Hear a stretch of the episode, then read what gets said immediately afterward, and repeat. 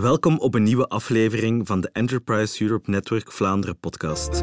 Een podcast van het EEN Vlaanderen, waar we groeiende ondernemers willen informeren over wat EEN Vlaanderen kan betekenen in een opschaalverhaal.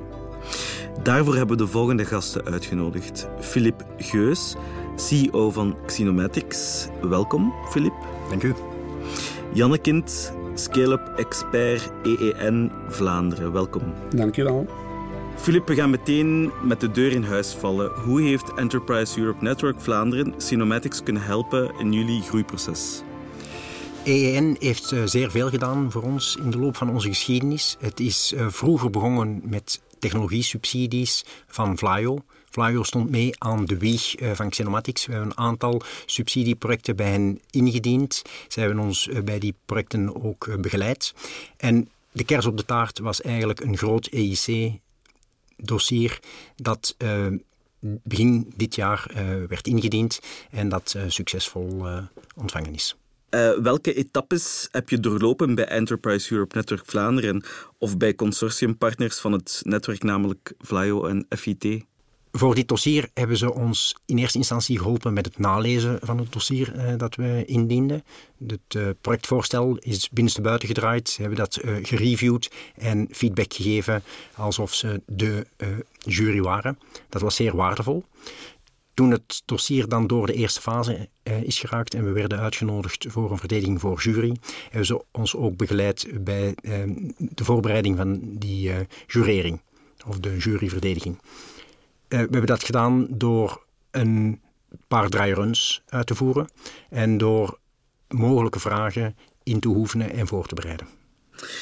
Janne, uh, hoe helpt Enterprise Europe Network Vlaanderen specifiek bedrijven om Europese funding te krijgen? Dus een van onze taken van het netwerk is eigenlijk advies geven rond die access to finance, wat dat Philip en Xenomatics uh, gedaan hebben. Um, we geven advies rond de bepaalde, allee, bepaalde financieringsmogelijkheden. Is dat EIC of zijn dat andere? We hebben ook een brede kennis over Vlaamse subsidies, Europese subsidies, uh, maar ook uh, trajecten tussen bedrijven onderling. Het belangrijkste dat wij doen is eigenlijk kijken, maakt het dossier een kans? Ik denk dat dat altijd belangrijk is voor een, voor een bedrijf om in eerste instantie, want het is een, ik denk dat Filip dat ook wel kan, kan onderschrijven, het is een traject die tijd in beslag neemt. Ehm, niet enkel tijd, maar ook capaciteit van uw bedrijf. Dus het is in eerste instantie zien, maakt het bedrijf kans voor een EIC-subsidie of zijn er andere mogelijkheden?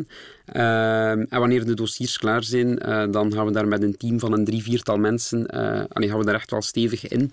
Um, kijken, we zitten ergens nog hiaten. Uh, klopt het wat ze zeggen in paragraaf 1? Is dat consistent? Ook naar de financials en zo kijken we. Um, en dan, als het dossier ontvankelijk verklaard is en de kandidaat mag pitchen, is er nog een belangrijke taak. Dus dat, dat is altijd een tweetal weken op voorhand dat, dat een bedrijf dat weet. dan houden we pitching sessies, mock-up sessies, waar wij de jury zijn, waar we ook de nadruk leggen op het is 10 minuten pitching.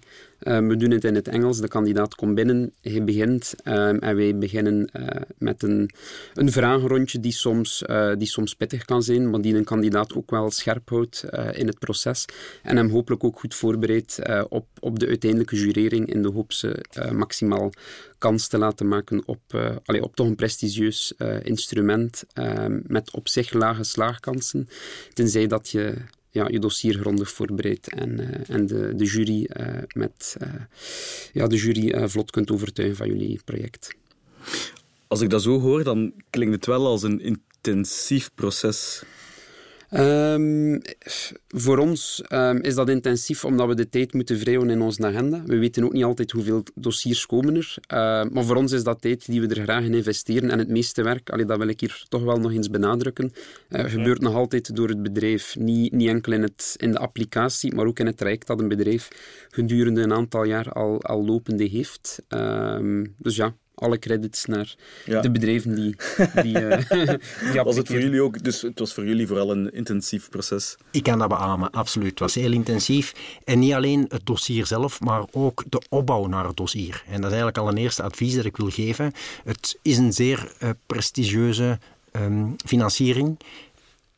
Begin er niet onvoorbereid aan. Ja, ja. En begin niet onmiddellijk met uh, ja, dit moeilijke dossier probeer eerst succesvol te zijn met uh, makkelijkere uh, dossiers of makkere, makkelijkere financieringsmogelijkheden. Eigenlijk zijn we jaren bezig geweest om ons verhaal voldoende scherp en onze vorderingen voldoende essentieel en solid te maken om uh, hiermee succesvol te kunnen zijn. Dus alle voorgaande subsidieaanvragen, alle voorgaande dossiers die we hebben ingediend, maken voor mij, voor mij deel uit van het traject dat noodzakelijk is om er te geraken. Ja, ja. We hebben het al vaker in deze podcast gehad over uh, scale-ups en groeien en zo verder. Um, Janne, misschien nog eens voor de duidelijkheid, maar vanaf wanneer spreken we over een scale-up? De leuke definitiekwestie van wat is een start-up, een scale-up. Uh, maar ik zal proberen... waarschijnlijk krijg je die vraag heel vaak. Uh, zowel van collega's, uh, maar ook van, van externen, soms van journalisten die, die dan vragen van wat is voor jullie, wat is voor jullie vanaf wanneer spreken we over een start-up, een scale-up. Je hebt de OESO-definitie, um, dat is een veelgebruikte definitie. Um, die stelt dat een bedrijf een jaarlijks gemiddeld rendement moet behalen van 20% um, en reeds 10 medewerkers moet tellen. Um, zijn er ook een een aantal karakteristieken. Dat zijn KMO's met realistische ambities, uh, die hoge groei nastreven, een geverifieerd businessplan um, en ook de wil om dat te implementeren. Um, het bedrijf heeft een stabiel, uh, stabiel team nodig, uh, dat voldoende uitgebouwd is. Um, ook een stukje cashflow op de rekening um, en voet aan grond in een aantal uh, belangrijke markten. Dus er moet al een zekere vorm van tractie zijn. de wil om te groeien, nieuwe markten te ontdekken. dus niet blijven bij, bij, wat, bij het huidige, maar ook al de stap daarna. disruptief zit in een DNA meestal en ze hebben het potentieel om nieuwe markten te creëren of daarin in te breken. ze zijn gedreven door innovatie en klaar om equity-financiering op te halen. Um, ze zijn recent opgericht. Um, en ze hebben eigenlijk al de eerste groeipijnen die een start-up meestal doormaakt. Um, die zouden ze ondertussen uh, vlot doorstaan moeten hebben. Ik ben het eens met die lijst, maar voor mij zijn dat voornamelijk de voorwaarden waaraan een bedrijf moet voldoen om succesvol te zijn. Voor mij is een echte scale-up een bedrijf waarvan bewezen is dat het product eenvoudig produceerbaar is en waarvan het product herhaald verkocht kan worden met beperkte inspanning. Met andere woorden, de dienst of het product moet zich bewezen hebben. En moet schaalbaar, en, moet schaalbaar, schaalbaar zijn. Schaalbaar zijn. En een belangrijke parameter is terugkerende klanten. Ja, oké. Het is moeilijk om een eerste keer iets aan een klant te verkopen, maar kan maar zeggen dat je een goed product hebt als diezelfde klant dat product nog een tweede keer wil kopen. en daar ligt voor mij het overgangspunt tussen start-up en scale-up. Maar zou je diezelfde definitie niet ergens kunnen gebruiken bij een start-up in de zin van daar heb je toch ook een goed product nodig. Dat klopt, en dat is de definitie. Een start-up heeft alleen nog maar het idee, maar nog niet het product. De uitwerking is nog niet afgerond. Oké, ja. Typisch zodra... product market fit is, uh, moet, moet eigenlijk bewezen, allee, moet, moet bewezen zijn om de volgende... En dat is in de groeipijn, wat dat zegt. Ik heb, ik heb een idee een eerste proof of concept meestal. Uh, maar wat dat, wat dat Philippe zegt klopt. He. Een eerste klant aanwerven kost, kost, u, allee, kost, u, kost u veel geld. Um, je hebt daar sales voor nodig. En het is pas de, de, return, uh, de return van bestaande klanten die, um, die eigenlijk aantoont van is wat ik produceer en lever... Uh, is dat een herhaalaankoop of is dat een langdurige relatie um, voor, een, voor een eindklant? Ja. Dus het is minstens even belangrijk om klanten te doen terugkeren en opnieuw iets te verkopen aan dezelfde klant dan meerdere klanten te zoeken. Mhm, ja. Dus de customer acquisition cost uh, moet zo laag mogelijk zijn en je moet... Uh, ja, het is niet de bedoeling dat je iedere keer op zoek moet naar nieuwe klanten om, om, om, om omzet te genereren. Het is belangrijk dat je bestaande klanten um, in, de watten, allee, in de watten te leggen, zodat ze blijven terugkeren en dat je ook een, een instrument hebt van nieuwe klanten.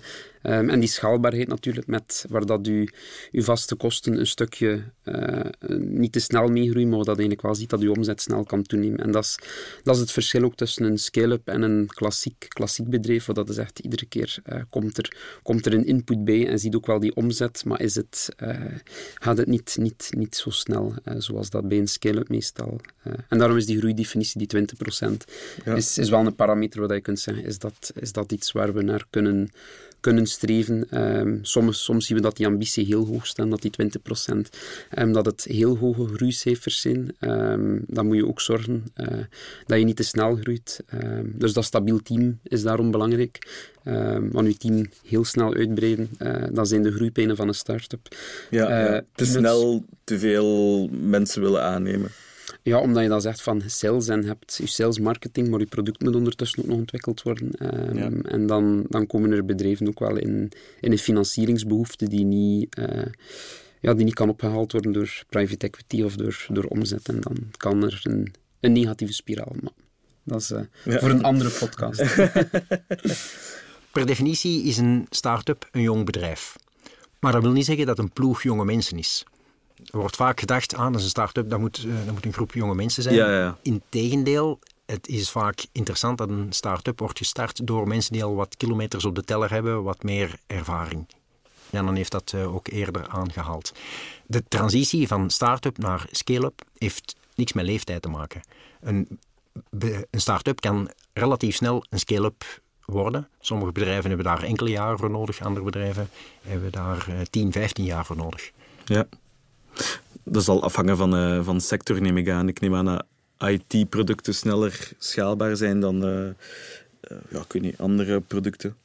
Um, ja, IT-producten zijn ook vaak is een moeilijk businessmodel. Een, een SaaS, software as a service, is een, is een schaalbaar businessmodel, maar is, is moeilijk om in, in de praktijk, in de praktijk ook te doen. Dus het hangt maar zoals dat Filip zegt, het hangt echt af van uh, de expertise, het team. Allee, team is altijd... Allee, het product is heel belangrijk, uh, dat zeggen we altijd, maar het team, allee, dat is ook in de EIC-dossiers, is dat iets wat er uh, op ja, gescoord wordt door de jury, wat dat er ook wel naar gekeken wordt, wat is de track record van, van iemand, um, hoe ziet het team eruit, de diversiteit van een team, en dat is zeker leeftijd en ervaring speelt daar uh, zeker een rol in. Dus, uh, allee, de gemiddelde leeftijd van een founder in België um, van een start-up is rond de, de 35 en de meer succesvolle bedrijven, mag dat misschien niet zeggen, maar zijn, zijn dat wel net mensen die, ja, die al wat, wat ervaring, eerder ervaring in, in een corporate omgeving, ehm, die, dan, allee, die dan ook wel ondersteund worden door een, door een divers team. ik denk dat dat, dat, altijd, altijd helpt. en meerdere founders of een team, um, allee, niet uit uit zichzelf als CEO, maar dan ook een founder, co-founder en, en ook allee, rond u mensen die, allee, die goed advies kunnen geven. Is dat een raad van advies, zijn dat ondersteuningsinitiatieven? Ja. Dat is aan het bedrijf zelf. Ja. Hoe belangrijk is innovatie eigenlijk om te kunnen opschalen? Ik denk dat dat, dat, dat, allee, dat, dat, dat hand in hand gaat, uh, innovatie. Uh, Xenomatics stond dat aan, maar ieder bedrijf die succesvol is, iedere scale-up die succesvol wil zijn, zal worden, um, heeft op een of andere manier innovatief. Is het in het businessmodel, is het technologisch of is het in een proces?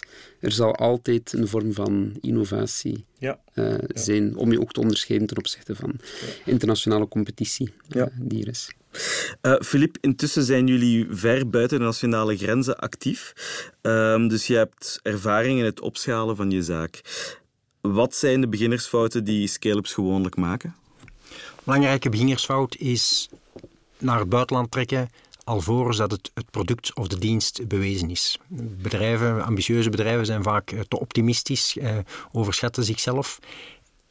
De markt intrekken zonder dat bewezen is dat een klantennood op een juiste manier eh, voldaan wordt, eh, is niet slim. En dat betekent dat het, de kans dat uh, je waardevolle capaciteit en geld uh, slecht eh, besteedt, uh, is reëel. Ik raad aan van de stap maar te zetten als een, in een deel van de markt op zijn minst bewezen is dat je aanbod echt een heel goede fit heeft. Ja, ja. En hoe ben je tot die informatie gekomen? Is dat iets waar dat je zelf tegen op aan bent gebotst? Ik heb bedrijven fouten zien maken om hun salescapaciteit te sterk te laten toenemen uh, voor het product voldoende klaar was. Ah ja, oké, okay, ja, ja, ja. Dus een belangrijk risico is uh, te vroeg internationaliseren. Mm -hmm. En er is ook een risico van te laat te internationaliseren. Het kan ook zijn dat je veel opportuniteiten laat liggen. Internationaliseren is belangrijk. Ja. Ik vind het bijna een must. Um, maar het moet heel bewust gebeuren en er moet uh, goed worden nagedacht over de juiste timing. Hoort bij opschalen altijd internationaliseren? Ik zou elk bedrijf, bedrijf aanraden van te internationaliseren. Laat ons eerlijk zijn, de wereld is plat. de wereld is plat. Zeker technologisch gezien is de wereld plat. Ja. En ook welke ondernemer kan tevreden zijn om zijn diensten te beperken uh, tot rond de kerktoren, als er zoveel mogelijkheid is om producten en diensten wereldwijd te verspreiden. Met alle communicatiemiddelen, met alle logistiek die we hebben, moet voor mij per definitie een ondernemer bijna mondiale ambities hebben. Ja, ja. Je kunt bijna niet anders. Of, of wat is de boodschap? Je kunt bijna niet anders, omdat er vaak toch wereldwijde concurrentie is, zeker op technologisch vlak. Zeker de dag van vandaag. Uh... Inderdaad, we weten maar al te goed waar de Chinezen mee bezig zijn. Zij zijn ook op de markt, dat wisten we twintig jaar geleden niet. Dus dat is een, grote groep mensen die plotseling mee in de arena uh, concurreren, hè, ook met uh, mooie producten en technologieën. Dus elke ondernemer moet rekening houden met veel meer concurrenten dan enkele jaren geleden. En daardoor is het nuttig om breder te kijken. Dat zal u ook aanmoedigen om een sterker product uit te brengen. Dat klopt volledig. Dus uh, schalen en internationaliseren die gaan uh, nog altijd hand in hand. Uh, België, kleine markt. Ehm, Europa, zoals dat Filip zegt, de wereld ligt, uh, dat is de sterkte en de zwakte, dus de wereld ligt aan uw voeten.